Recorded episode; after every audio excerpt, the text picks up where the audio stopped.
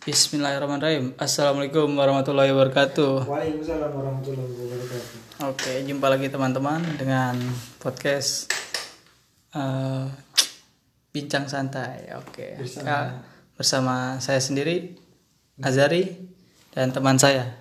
Iqbal Abdul Malik. Oke, dan satu tamu kita hari ini ya teman baikku juga salah satunya. Dia namanya siapa bang? Di sini gua Ari Subardi. Ya kebetulan diundang untuk isi podcast. Mumpung lagi luang ya mungkin bisa lah untuk sharing-sharing. Siap bang. Mantap gimana? Abang tinggal di mana bang? Eh bulan lagi di Jakarta Selatan. Ini lagi sibuk kerjaan juga. Jadi ya mungkin Tuhan ngasih sedikit waktu luang buat ikut podcast hari ini sih. Masya Allah bang. Ya, Mungkin bisa berkesan. Siap bang. Eh, gini bang, abang asal mana nih bang? Eh, aslinya sih Lampung, cuman ada kepentingan di Jakarta. Pentingan? ya karir lah biasa Masya kita kan udah dewasa nih Masa. kita harus punya mindset buat ke depan kan buat the future lah masa depan Mantap. Artinya Future ya? masa depan masa depan. ya Oke. Dia tahun berapa di Jakarta? hmm, eh, seingat saya sih eh, udah dua tahun ya kalau nggak salah dari 2019 sempat pindah-pindah juga dari Jakarta Timur ya, ke Jakarta Barat kemudian pelabuhan sekarang ini lagi di Jakarta Selatan nih pak Itu pas eh, sebelum di sini ya kerja di yang sekarang ini. eh, sebelumnya itu eh, kegiatan atau kerja atau kuliah atau apa gitu. Hmm, kalau untuk itu sih memang awalnya saya tuh sebenarnya nggak ada niat sih mau ke Jakarta. Awalnya di Lampung. karena persaingan karir di sana susah kan. Masuk sana sini ribet lah ada orang dalam segala macam Iya. Eh, saya berpikir bahwa emang Lampung ini bukan tempat saya buat cari kerja mungkin. Dan saya paksa diri saya buat merantau kan akhirnya saya memaksakan merantau setelah satu tahun menganggur. Dari 2018 tuh saya nganggur tuh sampai 2019 itu udah pusing pala. Ya udahlah mau nggak mau harus kerja. Nggak mungkin saya begini terus kan Iya, iya. akhirnya saya merantau di 2019 itu saya tinggal di tempat saudara saya beberapa bulan. Tuh pertama di Bekasi. Saya cari-cari-cari ternyata memang susah juga. Akhirnya Iya. saya ke Jakarta Timur. Kebetulan saudara saya ada yang kerja di bagian mall saya ngelamar kemudian saya kerja untuk beberapa bulan di sana. Siapa tuh bang di sana? Hmm, kerjanya ya sebagai bidang keamanan sih keamanan mall. Jadi kita menjaga kendaraan security parkir lah. Oh security. betul ya security parkir. Jadi saya kerja di situ sekitar dapat hmm, tiga bulan kok nggak salah. Karena saya mengingat memang kita harus standby terus. Standby terus kita harus berdiri terus kadang kita nyampe ngelupain Tuhan gitu. Sampai kita itu apa ya melewatkan untuk sholat gitu. Jadi waktu untuk sholat selalu telat gitu. Nggak bisa kita tepat waktu gitu. Kalau kita pikir masa saya harus mengorbankan Tuhan saya buat pekerjaan sih gitu? Sa- kita berpikir se sebesar apa sih gajinya sampai kita melalaikan Tuhan itu? Jadi Iya. iya. pada akhirnya saya berpikir oh, saya ini ibadahnya makin hancur sholat nggak sunnah nggak bisa ini nggak bisa. Akhirnya daripada saya memikirkan dunia ini akhirnya saya melalaikan agama saya ya lebih baik saya resign di bulan Januari kalau nggak salah. Saya resign kebetulan di sini ada bukaan di Jakarta Selatan sebuah perusahaan percetakan buku. Jadi saya kerja di sini walaupun saya sadar gaji saya tuh nggak sama kayak yang sebelumnya Iya. ya mungkin lebih besar ya lebih demi kebaikan agama saya ya udahlah jalanin masalah rezeki kan nanti gampang yang penting bisa hidup dulu kan Iya. itu aja sih Ini suatu ujian yang cukup berat ya. dilema Sebagai- dilema. ya dilema dilema anak muda nih di mana kita ya, ingin berkarir betul. Tapi ujiannya yaitu tentang ibadah gitu kan. Hmm, betul betul. Ibadah itu yang ketika kita mulai ibadah dan mungkin juga gajinya agak berbeda ya. Iya betul tapi Pak. ya insya Allah rezeki itu di tangan Allah ya, ya betul. Pasti akan ada aja. diusahakan. betul betul. Insya Allah. Nah, eh ini bang, eh di malam hari ini kita juga ini ya, eh, apa namanya? Mm-mm. Kan rencananya nih mau Mm-mm, bahas betul. tentang satu buku ya, ya betul betul buku buku apa tadi bang judulnya? Oh ya, ini bagaimana cara mencari kawan ya, bagaimana mencari betul. kawan dan mempengaruhi orang lain. betul betul ini eh, ini penulisnya itu dari Carnegie ya. iya ya betul Gimana nih bang cara kita untuk ini ya mempengaruhi orang lain gitu kan?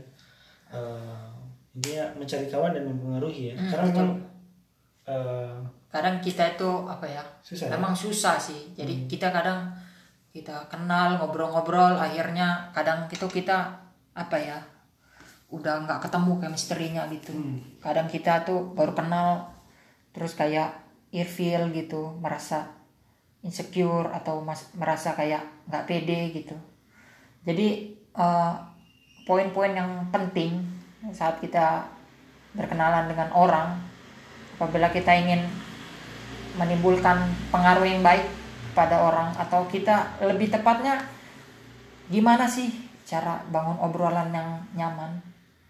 Yang saya pahami adalah ketika kita ingin membangun obrolan jangan kita sibukkan untuk obrolan yang membanggakan diri kita sendiri sih. Seperti kita menunjukkan apa yang kita miliki terus kita membesar-besarkan nama kita ketika kita mengobrol dengan orang lain. Menurut saya itu salah. Justru ketika kita ingin membuat orang itu tertarik dengan kita kita harus kita harus membicarakan diri orang lain itu. Target yang ingin kita bicarakan. Contohnya gimana tuh bang? ya seperti kita menanyakan kita menyanjung dia lah gitu. Kita menanyakan apa yang dia suka apa hobi dia terus tuh dia tuh lagi suka apa gitu. Jangan kita malah kita kita ngobrol kita malah banggain diri kita. Oh saya punya mobil oh saya punya ini begitu. Menurut saya itu kurang pas. Bisa dibilang salah langkah yang salah dalam membangun citra yang baik ya kepada orang lain. Jadi kita tuh harus ya me- meng- menggali gitu menggali potensi orang itu. Kita tanya hobinya apa. Jadi orang lain tuh lebih cenderung untuk membanggakan diri dia sendiri. Jadi kit- orang tuh lebih cenderung membahas diri dia sendiri bukan membahas orang lain. Sebenarnya orang lain tuh nggak peduli dengan apa yang kita miliki. Tapi orang lain tuh justru seneng jika orang lain itu tahu tentang diri dia ya, diri orang yang kita ajak bicara itu. Mungkin itu sih mungkin dasar ya dasar kita bangun obrolan itu. Jangan kita langsung membanggakan diri kita. Justru kita itu mempengaruhi orang lain tuh dengan cara kita buat dia merasa disibukkan dengan diri dia gitu kita tanya-tanya merasa kalau dia itu penting gitu kita menanyakan kepentingan dia itu kepentingan Kalau hidup dia, dia nggak nyaman gimana? Ya, eh, sekarang gini logikanya Nggak semua orang tuh nyaman ditanya. Iya sih. Sampai saat ini saya belum menemukan orang yang ketika ditanya tentang kesukaan hidup dia dia nggak senang. Hmm. Nggak ada satupun. Kita senang nih dengan sesuatu sesuatu hal. Kemudian ada orang lain menanyakan. Justru dia kan antusias untuk membahas itu kan, karena dia senang kan. Senang bahas Ibaratnya kita nih, eh eh, cobalah kita keluar pembahasan dari agama. Misalnya ada orang suka film. Eh kamu suka film apa gitu kan?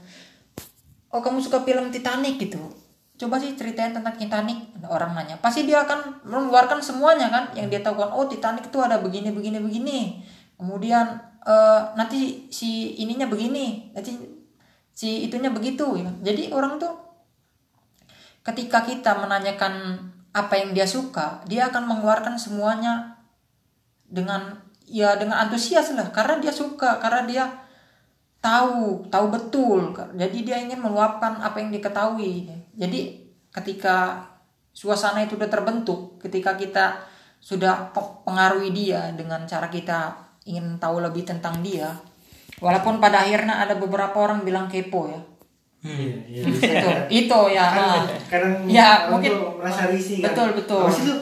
Nah, Betul. Tapi biasanya orang ada yang mungkin ada yang dia tuh lebih suka mendengarkan Mm-mm. daripada dia ditanya-tanya kan Mm, kan ya saya juga pernah ini ya orang apa sih Temu di mana? Iya. Kan, Seru banget sih lo gitu kan Yes. Baper dong. Eh, gimana gitu kan ini juga ini nih masalah baper nih. Iya. ini ada salah satu tulisan yang saya baca nih Bang. Hmm. Uh, bahwa di sekarang ini orang itu mudah banget bilang ke orang lain ya atau misalnya ada yang dibicarain atau gimana itu baper lu gitu kan Iya, iya. Padahal itu sangat-sangat apa ya sakit sih bukan sakit ya tapi bagi orang yang uh, apa namanya Tidak merasakan. di, dikatakan seperti itu nah itu mungkin eh, ini ya akan sangat-sangat mungkin mengganggu atau ya beda tanggapannya lah gitu kan. Itu itu eh, apa namanya ya mungkin yang bilang nggak bermasalah tapi yang dengar mungkin bisa jadi bermasalah Jadi gitu kan. masalah dia. ya itu dia yang ya ya itu emang agak sulit ya sekarang. Ya karena muncul dengan kosakata baper itu akhirnya merubah mindset ya. Iya. jadi orang-orang yang pada dasar kita ini punya perasaan lah sebenarnya Iya. tapi nggak elok gitu maksudnya nggak pantas itu ketika orang meluapkan aspirasi dia apa dia meluapkan perasaan dia kemudian kita bilang baper sebenarnya kurang elok sih maksudnya ketika kata ini mulai melambung sebelumnya dulu dulu tuh nggak ada orang yang ketika dia meluapkan perasaannya dia bilang ah lu baper itu belum belum ada Biasa aja. Kemudian, ah biasa aja. Biasa aja. ya berat orang lain pada menghargai kan. Dia meluapkan perasaan dia. Kemudian setelah muncul kata baper nih orang lebih Iya, iya. terkesan merendahkan gitu. Maksudnya orang melecehkan gitu ketika dia meluapkan perasaan dia kemudian dibilang baper. Apabila di, ada orang meluapin terus dia merasa sakit hati kan dia meluapkannya terus dibilang baper. Sebenarnya ayolah gitu jangan tahu tempatnya gitu. Kadang kan ada orang ketika dia serius dibilang baper. Maksudnya itu kan nggak tepat sih. Kita cari yang tempatnya yang lebih apa gitu. Misalnya dalam lingkup bercanda kan. Kan beda konteksnya kalau dia misalnya lagi kena musibah terus dia cerita terus dibilang baper kan sakit tuh. Udah jatuh ke tipe Sakit, tangga kan. Oh, sakit apanya tuh? Pak. iya iya benar kalau dia lagi bercanda apa dia masalah bercanda ngelawak atau dia bohong atau tentang perasaan ya boleh lah baper. Maksudnya kan dengan dilontarkan kalimat baper ketika dalam bercanda kan akhirnya ya fun kan mencari fun kan pada akhirnya kalau bercanda. Beda ceritanya kalau lagi serius kemudian kita bilang baper kan. Itu nuansa hati dia langsung wah nambah hancur iya. Iya Bakar. dia dia ya. dia udah ah dalam ya ini orang apa sih? Ya kan? Gue lagi serius juga dibilang baper kan? Ya. Iya. jadi peletakan baper itu mungkin lebih kita tahu lah letak lagi. ah, betul tempat-tempatnya gitu. Nah, ini kadang ya ini ini. Ini memang eh, di kita nih sebagai anak muda kadang ya mungkin eh, kadang lihat tontonan atau yang lainnya gitu kan? Atau mungkin di luar nih pergaulan nih kan macam-macam tuh ya nih kadang ada yang orang misalkan eh nih bro lu jangan kayak gini kayak gini kayak gini. Terus eh, kita kasih tahu pelan-pelan pelan tapi ujung-ujungnya ah bacot lu gitu kan. Nah, itu mungkin nah, itu itu yang itu yang ah, mungkin di bukan bukan dilema mungkin karena entah pergaulannya atau gimana gitu kan. Nah ini yang mungkin agak berat juga nih ya gitu. Mungkin atau atau mungkin ya kita juga salah menempatkan saat kita menyampaikan gitu kan. Nah ini gimana nih supaya eh, kita ini kita ya kita pribadi maksudnya kita pribadi ini eh, nggak seperti itu kalau misalnya ada yang nasihati atau misalkan ada yang uh, mengkritik kita gitu kan. Kita bisa lebih legowo lebih menerima gitu. Nggak sampai uh, ya seperti itulah gitu kan. Nah itu gimana nih Ya, kalau menurut saya sih mungkin lebih untuk pengendalian jiwa ya. Maksudnya kendaliin diri dulu kan. Jadi ketika kita ditimpa masalah atau ada orang yang mencoba untuk menasehati kita kan. Ya kita harus bisa kendaliin dulu. Jangan kita langsung merasa panik dengan masalah kita gitu. Kita harus di saat itu kita harus terbuka ya. Kita terima tetap masalah itu. Teman kita harus buka pikiran kita. Kita harus redam emosi itu walaupun kacau kan ketika ada orang. Ada masalah pasti kacau dia. Dia akan melupakan semuanya dia akan fokus kepada masalah itu dulu kan untuk beberapa saat kan. Kemudian datanglah misalnya ada orang yang nasihatin begitu begini kan ketika dia lagi fokus dia kan mengabaikan semua orang lain tuh. Ya mungkin akan timbul ya beberapa orang yang mengatakan bacot kan atau gimana. Ya apabila kita nih khususnya kita yang tahu nih ya ya mungkin bisa untuk ayolah gitu kita lebih sabar gitu lebih terbuka lagi. Jadi ketika ada masukan dari orang orang gitu kan. Ya kita jangan langsung main main asal ceplos main asal tangan atau bagaimana ya kan. Ya mungkin untuk kan kita nggak mungkin sih lagi marah-marah tangan gerak sendiri kan. Nggak mungkin kan. Itu memang ada pengaruh dari Otak. unsur lain kan atau ada dari setan yang membakar kita kan atau mempengaruhi kita. Sebenarnya kalau kita ya istilahnya beristighfar kan tenangin diri mencoba untuk meredam da- dari dari otak kita meredam untuk sabar kan bisa. Ketika ada orang yang menasihati kita mungkin kita berkata dalam hati ya sabar dulu deh coba ini siapa tahu benar kan dengar. Kemudian dinasihatin kemudian dia jalankan siapa tahu itu ngasih solusi kan. Sedangkan kalau kita marah-marah apa hasilnya kan? Apakah itu menyelesaikan masalah? Enggak kan justru itu akan membuat imun kita malah buruk kan. Akhirnya ma- otak, otak langsung set kayak mode pusing gitu kan. Orang otak kita langsung stimulus kan. langsung langsung mempengaruhi imun kan.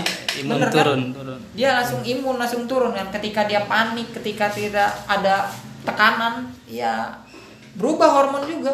Jadi kacau. ya ayo sih santai gitu kan. Ini masalah dunia gitu santai aja semua pasti berlalu kok. Nggak ada yang permasalahan yang sum dari hidup nyampe mati begitu begitu aja.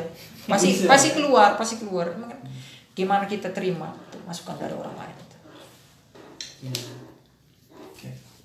Gimana nih Bang Ari? Ini? oke Hmm, guys. Dari- nih dia. Sudah lumayan lama juga kita bincang-bincang santai Iya, ya. oke kita